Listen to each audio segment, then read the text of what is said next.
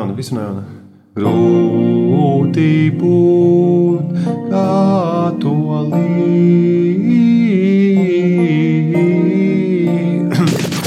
Grūti būt katolim.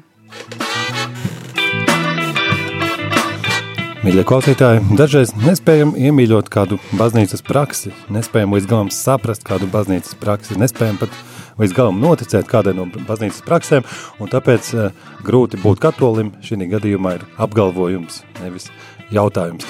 Mūsu katoliskā baznīca tik bagāta ar dažādām iespējām, praksēm, svētajiem, liturģijām, gal galā ritiem, Kā viens cilvēks var visus viņus saprast, iemīļot un pieņemt par savējiem? Principā tas ir nereāli. Katolim būtu grūti, un to mēs arī šajā raidījumā apspriedīsim, izskatot un analizējot tādas radio esejas, ko mums iesūtījuši ir klausītāji par saviem sāpīgajiem brīžiem, kuros viņiem grūti būt katoļiem. Šīs dienas eksperts Rihards Rasnacis, priesteris Siguldas visvētās sirds Romas katoļu draudzē. Labdien, Rihard! Sveiki! Prieks dzirdēt jūsu mundro balsi, jo tādi smagnējāki temati dažreiz jau labāk, ka tos aprunājam tādā mundrā tonī. Kā jums šķiet? Nu, jā, nu, šoreiz pie tam arī sanāk, ka es esmu tomēr attālināti klātsoši šeit, esmu Siguldā pašlaik. Nu jā, tātad divu metru distance ir ievērota diezgan droši, varētu pat teikt 56 km distance ir ievērota, bet kopā ar klausītājiem priesteris Rihards uzklausīs tātad mūsu raidījuma pirmo eseju.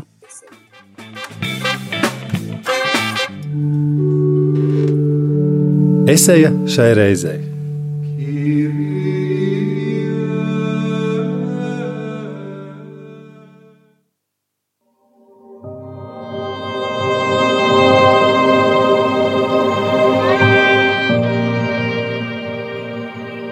Patiesībā būt par katoli ir liels prieks un gods. Tomēr reizēm ir grūti.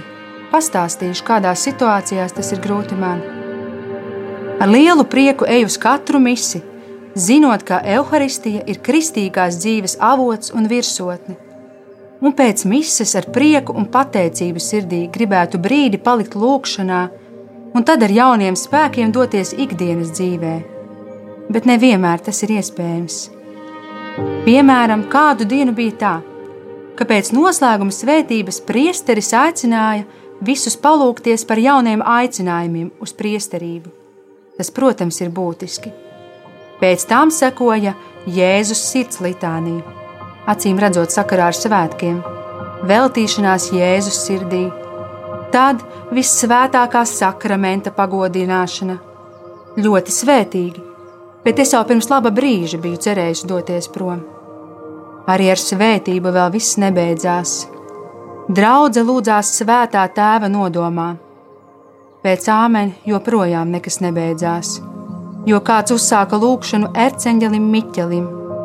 Un tad dziesma sveicināta Marija, gods lai ir tēvam. Un tikai tad, 20 līdz 30 minūtes pēc misas, beidzot varēja doties. Klusā lūkšana izpalika, jo nu jau bija diezgan. Varbūt es varēju doties prom uzreiz pēc svētības un palūkties baznīcas dārzā, bet es baznīcā esmu kopā ar ģimeni, un nebūtu pieklājīgi nelielā draudzē celties un atstāt dievkalpojumu četriem cilvēkiem. Vīrs, katolis, to arī nesaprastu. Ticu, ka pacietība ir tikums, un šiem nelielajām grūtībām ir jēga. Bet jā, šo pusstundu ik reizi man ir grūti būt par katoli.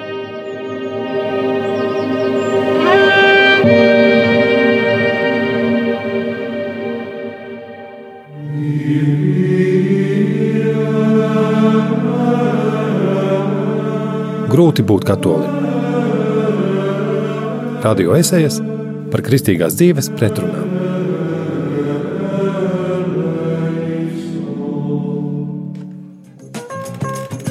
Nu, ko? Paldies mūsu klausītājai par šādu anonīmu, skaistu eseju, kurā viņa atklāti atzīst savas sajūtas pēc mises. Kādas ir jūsu sajūtas, eh, priesteri Rihard, dzirdot šādu ticīgu atklātu, atklātas tas pārdomas? Es šeit uh, gribu teikt gan kaut ko pār, gan kaut ko pe, pret, jo nu, dažas tādas nianses dzirdēju, ka tā ir neliela draudzene. Un, tas varbūt rada tieši šo nu, nērtības situāciju, ka kādam ir jāiet projām.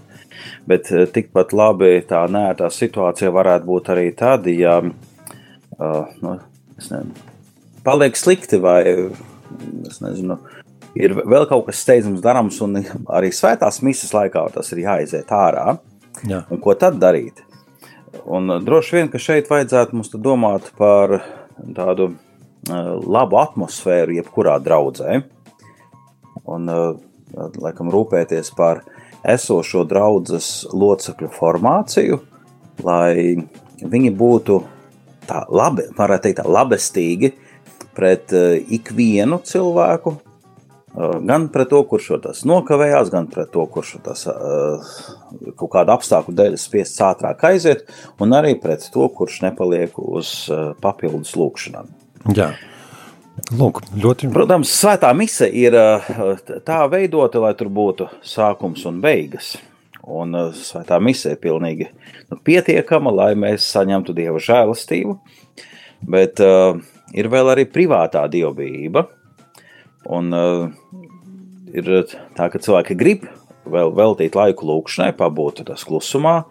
No vienas puses tas ir jārespektē, no otras puses misijas uh, beigās ir šis, uh, šī sūtība misijā. Nu, kas latīniski skan ita misēs, tātad jūs esat sūtīti, tas nozīmē, ka tagad būtu jāiet projām. Bet praksē tā, ka nu, tomēr uh, cilvēki vēl paliek uz kādu lūkšanu. Uh, redziet, ir dažādi dievkalpojumi. Svētā miksa nav vienīgais dievkalpojums. Piemēram, mēneša pirmajā piekdienā, vien par to arī iet runa. Jā. Jo tur minēts, ka ir jēzus sirdsapziņas veltīšanās visvētākā jēzus sirdī, kas parasti ir mēneša pirmajā piekdienā. Tad varētu šādu um, nu, jēzus sirds godināšanu rīkot pilnīgi atsevišķi. Bet Jā. Praksa rāda, ka no cilvēki neatnāk, kuplā skaitā, un tad grib to visu apvienot kopā ar svēto misiju. Nu, ne. Tas pats varētu būt ar, ar krustaceļu vai rožu kroni. Bieži vien nu, tad pie vienas iešanas uz baznīcu. Bet uh, tikpat labi varētu būt arī tiksim, krustaceļš pilnīgi nu, autonomi. Uh, nu, atskot, tas parāda to mūsu nu, realitāti, mūsu praksi, kas droši vien tāda nav visiem nu, tāda Uh, vai pa spēkam, vai nav visiem nu, pa, pa tāda, teiksim, neliekās simpātiska šāda praksa. Jā. Sakiet, priesteri, jūs minējāt tādu frāzi, ka svētā mise ir pilnīgi pietiekama mūsu žēlastībai, un tas varētu nozīmēt, lai mums būtu skaidrāk klausītājiem, uh, ka tās papildus lūkšanas nav obligātas. Vai mums nav jājūtas vainīgiem, ja mums no tām gribas iet prom? Bet uh, nu, tā ir arī draudzes kopiena, kas ir izvēlējusies nu, dažādus dievbijības izpausmes veidus. Un tāpēc eh, nu, mēs tas tā. Līdzīgi kā tas video izglītība ir obligāta, bet viņa var būt arī ar vēl kaut kādu īpašu novirzienu skola. Jā, vienā skolā īpaši kādu mākslu var apgūt, otrā sportu, trešā vietā tās kādus eksaktos priekšmetus tā. Nu, tā arī šeit draudzēs. Tas ir prāvesta vadībā, ir izvēlētas kādas lūkšanas, kuras viņi īpaši lūksies. Es domāju, ka būtu labi dažādus šos nodomus pievienot kopējai lūkšanai, kas ir svētās misijas laikā. Bet, uh, nu, ja draudzene ir vienojusies, ka viņa pēc svētās misijas um, vēl kādu lūkšanu lūdzās, nu, tad uh, Es domāju, tā ir. Es droši vien šeit ieteiktu aiziet pie prāvesta un parunāt, nu, ko darīt šādās situācijās, jo tas nav labi, ka mēs liekam kādam justies nērti. Paldies! Es ar to arī esmu saskāries. Mēs Siguldā um, esam nu, jau daudzus gadus tādu praksi ieviesuši, ka pēc svētās misas ir um, adorācija klusumā. Pusstundu apmēram vēl cilvēkiem ir iespēja pabūt klusumā. Un, uh, tas ir darba dienās. Un cilvēki zina, ka ja viņiem ir jāiet uz darbu, ir kaut kādas lietas, ka viņš var jebkurā brīdī nu, piecelties, vai nu uzreiz pēc misijas noslēguma svētības, vai arī adorācijas vidū var piecelties un iet ārā. Un, un pārējie pie tā ir pieraduši, un vairs neviens par to nebrīnās, tas ir kaut kā ļoti dabiski. Protams, tad, kad atnāk kādi cilvēki, kas ir reti baznīcā, nu, piemēram, ir pasūtījuši svētā, svēto misiju nodomā par kādu savu tuvinieku, dzīvo vai mirušo, un tāpēc ir sanākuši kuplākā pulkā arī tādi, kas nav darba dienu svēto mišu apmeklētāji. Ja. Un tad ar tiem, nu, es redzu, ka ja viņiem īpaši nepasaka, kas tagad būs pēc svētās misijas, ka tā ir lūkšana klusumā, viņi jūtās īstenībā ļoti nērti. Viņi nezin, ko darīt.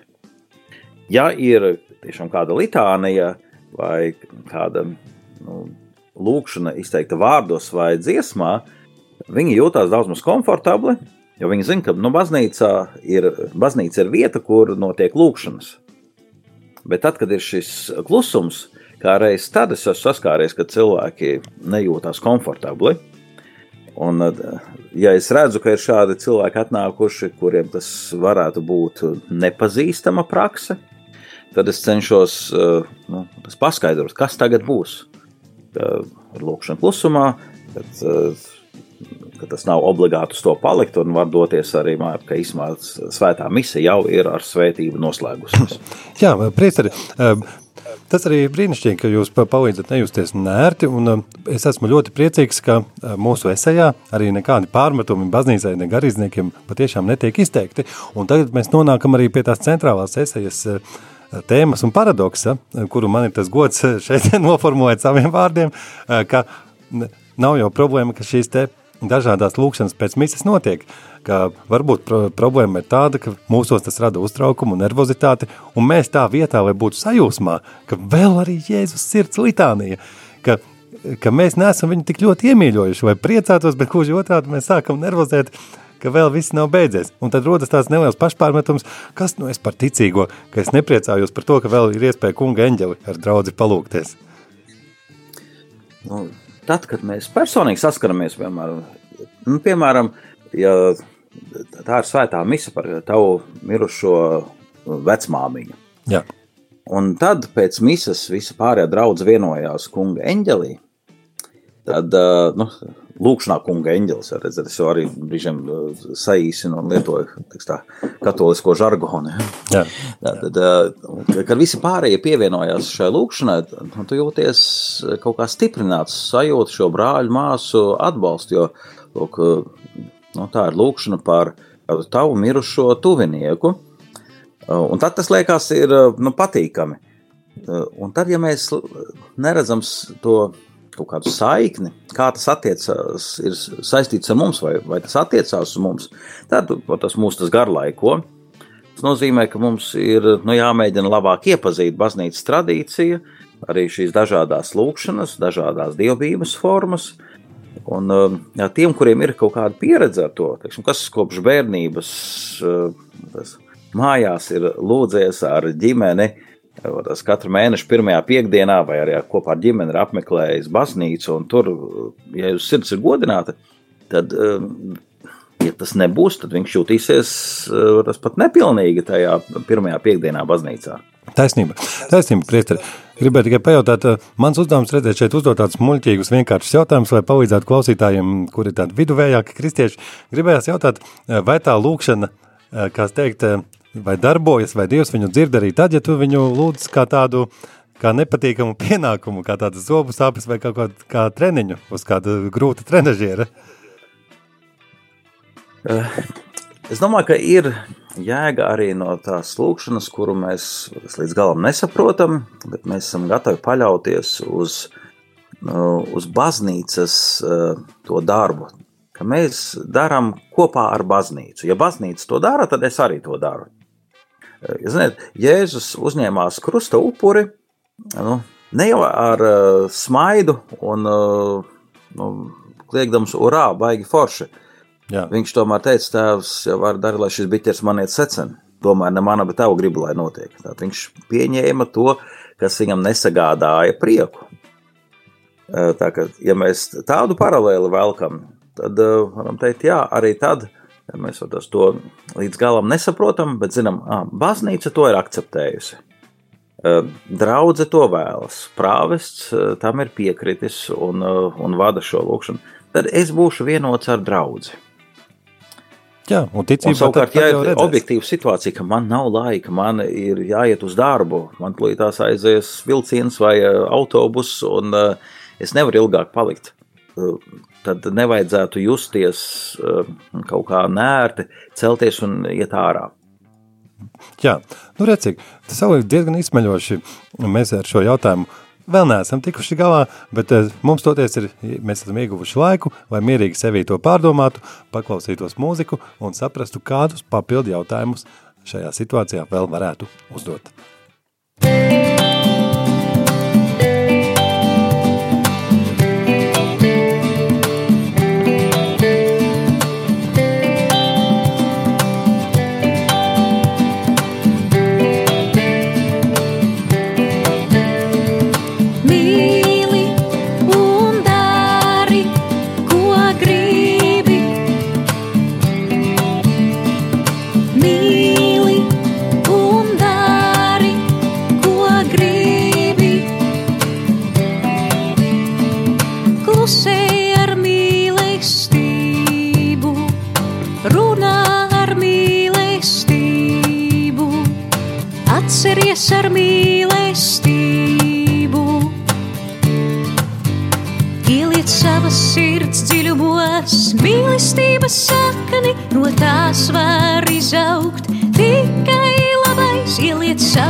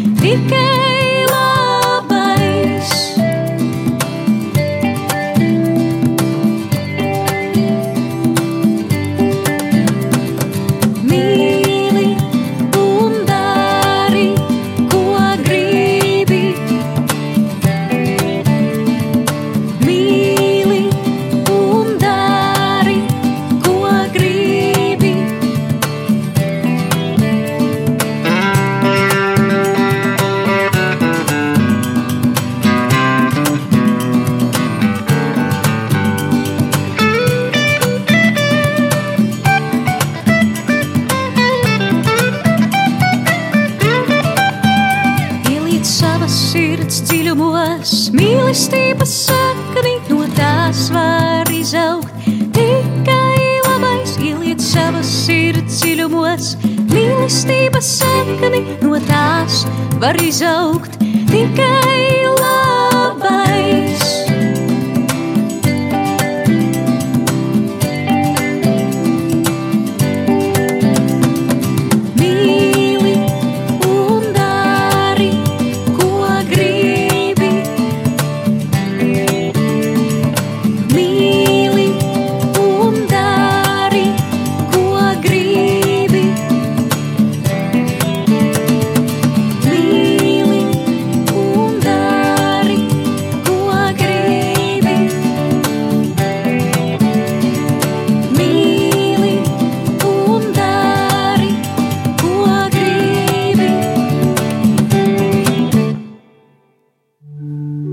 Otrais uzdevums 45.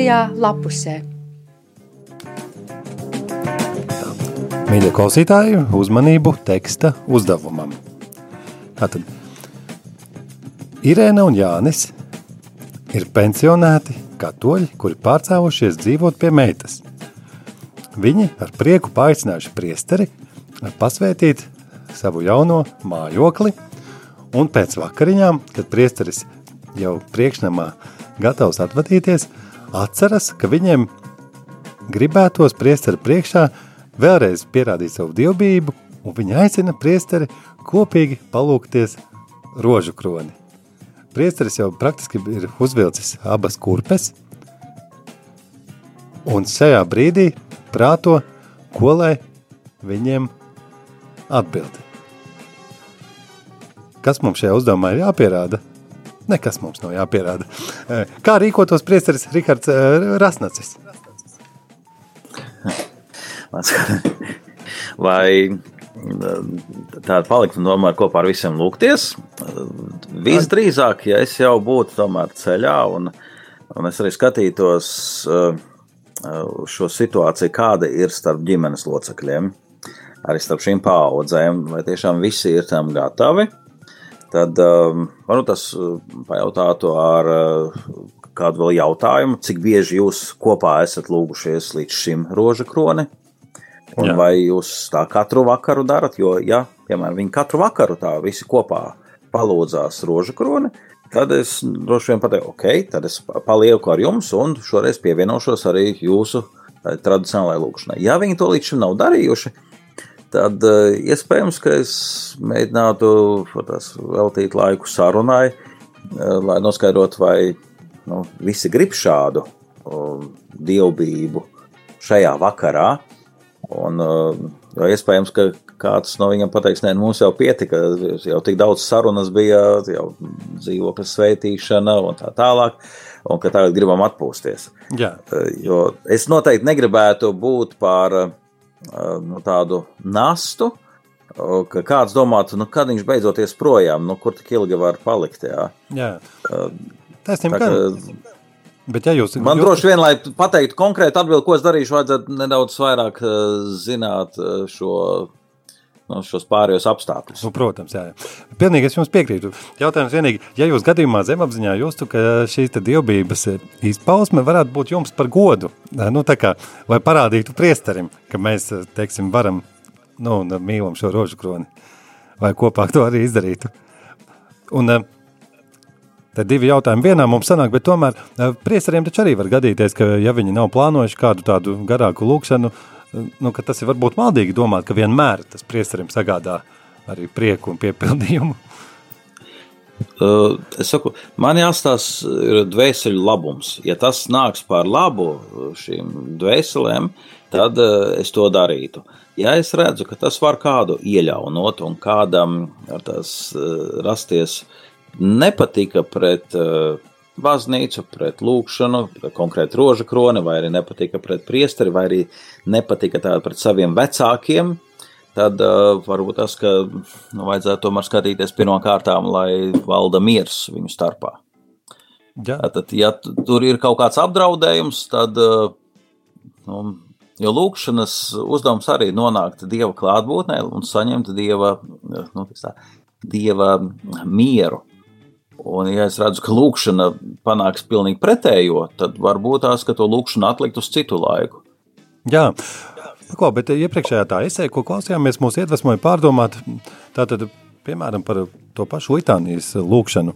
Pieņemsim, ka ticīgais sev atklāti ir atzinis, ka šobrīd viņam šī litānija viņu garlaiko, vai viņam liekas formāla, bet viņš tomēr gribētu pamazām iemīļot un labāk pievienoties, ja tā var teikt, šai litānijai. Kā jums šķiet, ar kādiem soļiem varētu sākt, lai mēs eh, kaut kā pakāpeniski izjustu tādu siltāku sajūtu pret dažādām lūkšanām, kas lūkšanu grāmatā. Sāksim tieši ar litāniju varbūt.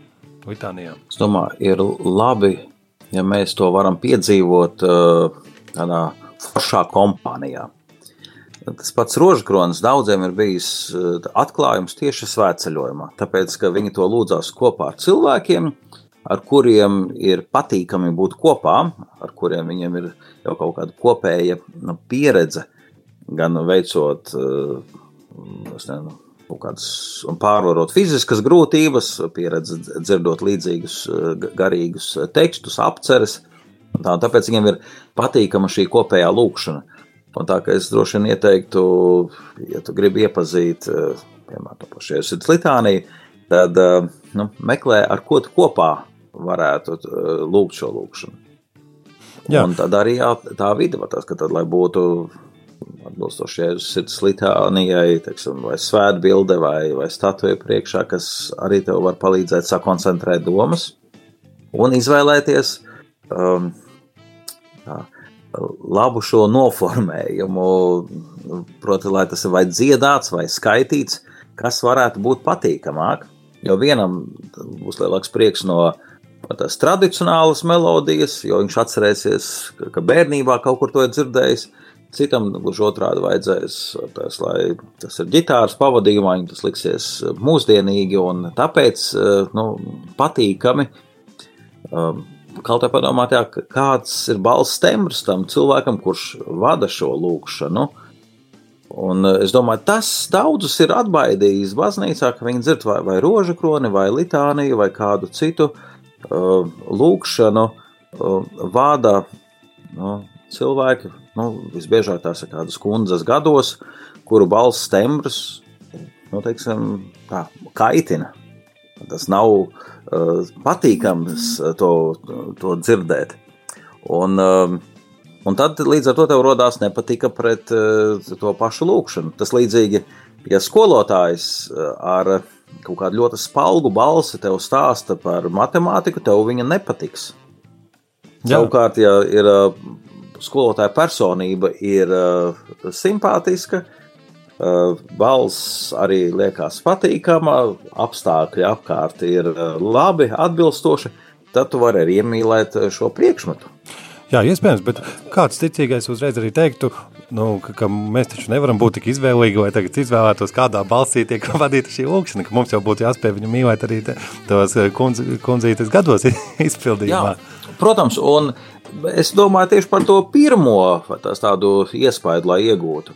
Bet uh, pēc tam, uh, kad tu jau iemīlējies pašu to lūkšanu, tev ir vienalga, vai tas balss tembrs vai viss pārējais apkārt, tu zini, ko tas nozīmē, tev svarīgs ir saturs, nevis forma. Jā, paklaupties arī. Sākumā tā forma Jā. arī var būt uh, nu, diezgan nozīmīga. Taisnība gan, taisnība gan, bet ja jau ierunājamies, tad mazliet, lai padarītu rēdījumu tādu praktiskāku, teiksim, tāda Jēzus sirds litānija. Mums ir, salīdzinoši pieņemsim, kā man pašam varbūt mazāka pieredze tieši ar šo litāniju vai vispār ar litānijām, Tie pirmie soļi tādā iepazīšanā, vai man būtu jāskatās eh, internetā par šo litāniju jāpalas, vai man būtu jāiet pie draudzes prāvesta, pajautāt, kā man viņu, teiksim, dziļāk ielaist savā dvēselē, vai man būtu vienkārši jāiet un jāsāk. Kā jūs domājat, kurš no ceļiem būtu tāds taisnāks? Um, es droši vien, uh, kā ja es būtu jau tāds uh, pārliecināts katolis, tad es paņemtu jauno katehismu un paskatītos no satura rādītāja, kur runā par Jēzus sirdi. Jā. Tad man būtu pārliecība, ka tas ir pamatoti. Jā. Uh, tad, um, jā, iespējams, es izlasītu lūkšanu sākumā viens pats. Um, tad uh, ja es skatītos, kādas vēl ir šīs lūkšanas formas, un eh, tā kā es nonāku pie atziņas, ka ir vajadzīga arī šī kopējā lūkšana, tad es meklētu, ar ko es kopā varu to lūgties. Un, um, es citu, atceros no bērnības, jo mēs ģimenē to praktizējam, ka mēs lūdzāmies, un, piemēram, jūnija mēnesis veltīts Jēzus sirds godam. Jā, jā. Un tad jūnijā mēs katru dienu lūdzāmies, un um, bija dažas reizes, kad man kā bērnam ļāva vadīt šo lūkšanu. Es biju bezgala priecīgs, ka es varu vadīt, un pārējie tad atbild. Um, un varbūt tad jāsāk tieši jūnija mēnesī godināt Jēzus sirdi, tad, kad baznīca īpaši to aicina. Jā, un ja gadījumā tā tad kādam varbūt ir šaubas, cik tas pamatoti, ka par to pamatotību vērts ir uzšķirt un painteresēties. Man gan ļoti patika, jūs teicāt, ja jūs būtu pārliecināts katolis, jūs atšķirtu katehismu. Tad žēl, ka Rihards Rasnacis nav nemaz tik, tik pārliecināts. Nē, nē, tas tā. Tomēr mēs atgādinām vēlreiz sarunājamies ar Siguldas visvētās sirds tieši Romas katoļu baznīcas prāvestu Rihardu Rasnēts, vai ne? Pareizi no, Vēl varētu ieteikt iepazīt svēto Margaritu Mariju Alakoku, kura ir Jēzus sirds godināšanas no aizsācēja, un iepazīties ar tām atklāsmēm, kas viņai ir bijušas, un kāpēc tas baznīcā ir aizsācies. Jā, Nu, lūk, bet, nu, tas arī būtu mūsu redzējums, tāds kaut kāds rezumējot šo tematu. Mēs te vēl vienu tematu pieslēgsim mazliet vēlāk. Gribētos vienkārši skaidrs, ka visiem jau Mums gribētos, ka tajā situācijā, kad negaidīti tiek paziņots, ka tiks to daļu lūgta vēl kāda lūkšana, būtu jauki, ja mūsu sirds priekā tā kā palektos, ka redz, cik labi, vēl arī Erceņģelim, Miķelim mēs teiksim kādu lūkšanu. Un uh, varbūt vēl gribējāt... Domās ir līdzīgi, kur uh, nu, kaut kas pagarinās, piemēram, nu, kādu sveic dzimšanas dienā.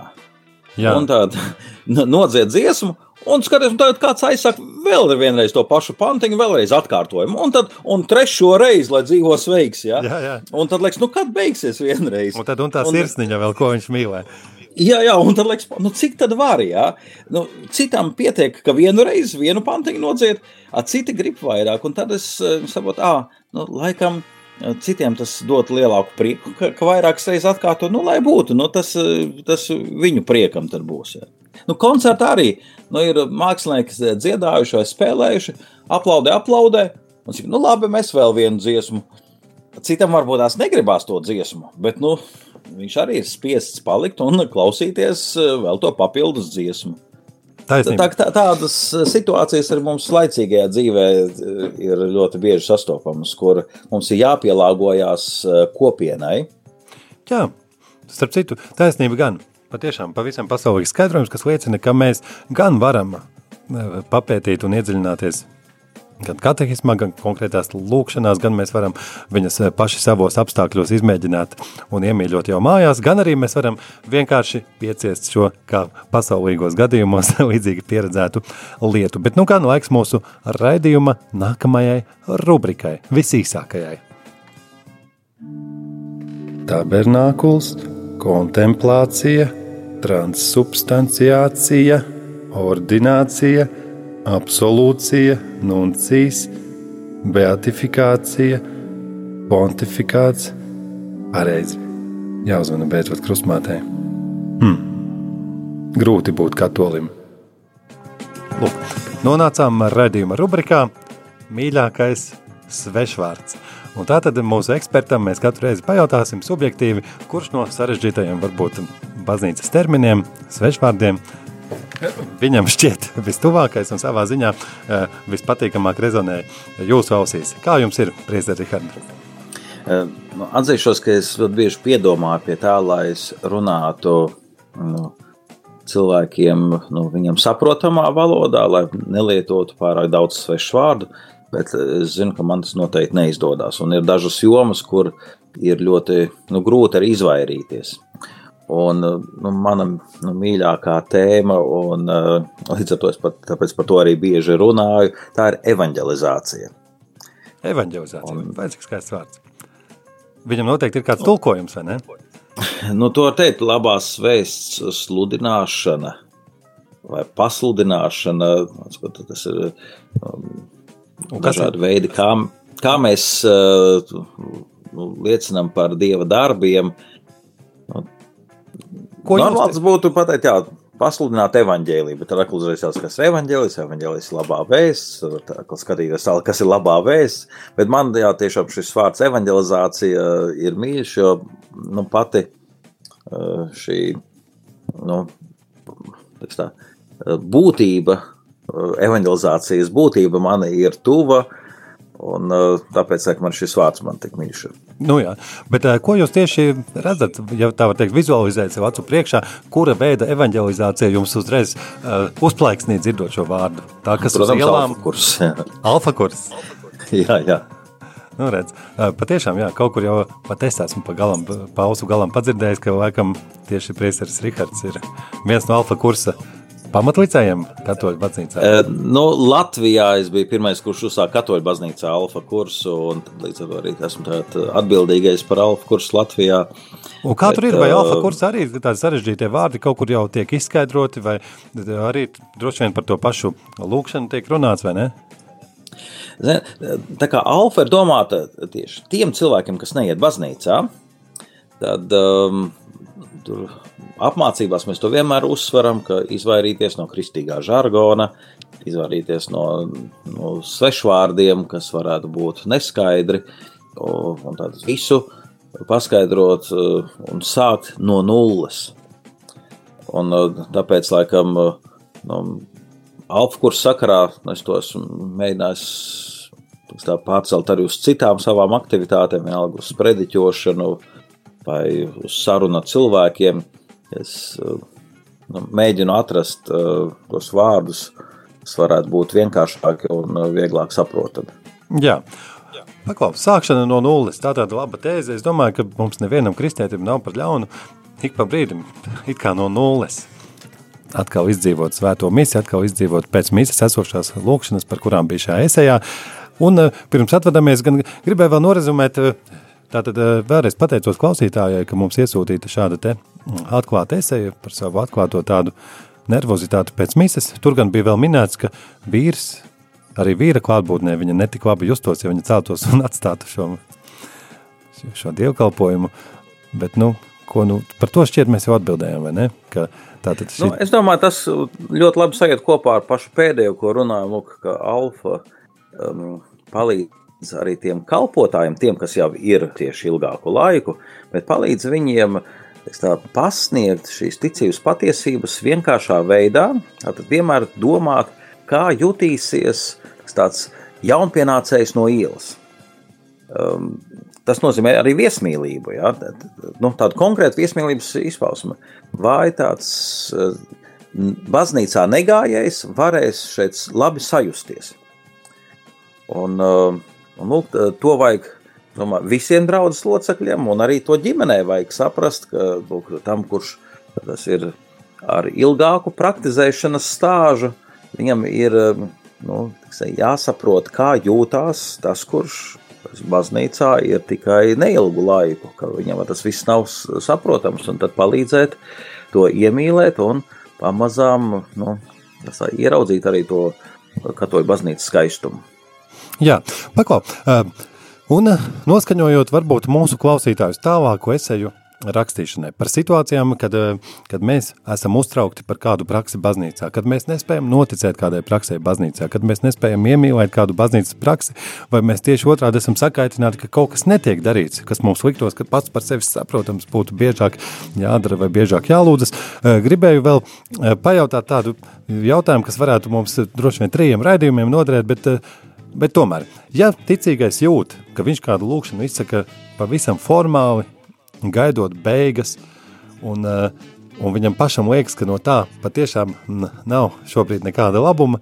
Eh, kādu mēs varētu dot viņam to nākošo domu, kā pakāpeniski no tā tāda nomāktā stāvokļa sākt iziet? Nu, tieši to arī pateikt Jēzum. Jēzus tu redzi, ka man ir grūti nu, izlaist caur sirdi šos lūkšanas vārdus. Nāc palīdzi man, lai es varu nu, tos pateikt ne tikai ar lūpām, bet arī ar sirdi.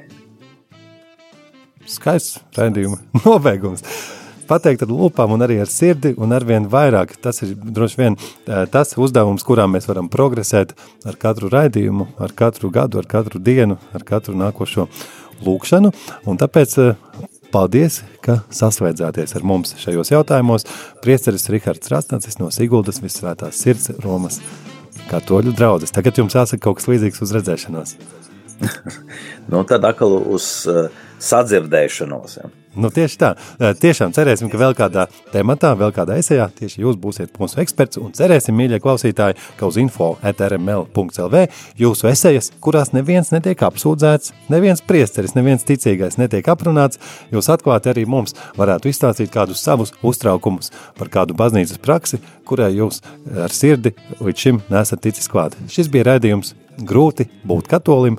Mani sauca un sauc vēl ar vienu viesturs vizulis, un man prieks kopā ar jums pārdomāt šos paradoksus. Grūti būt katolim.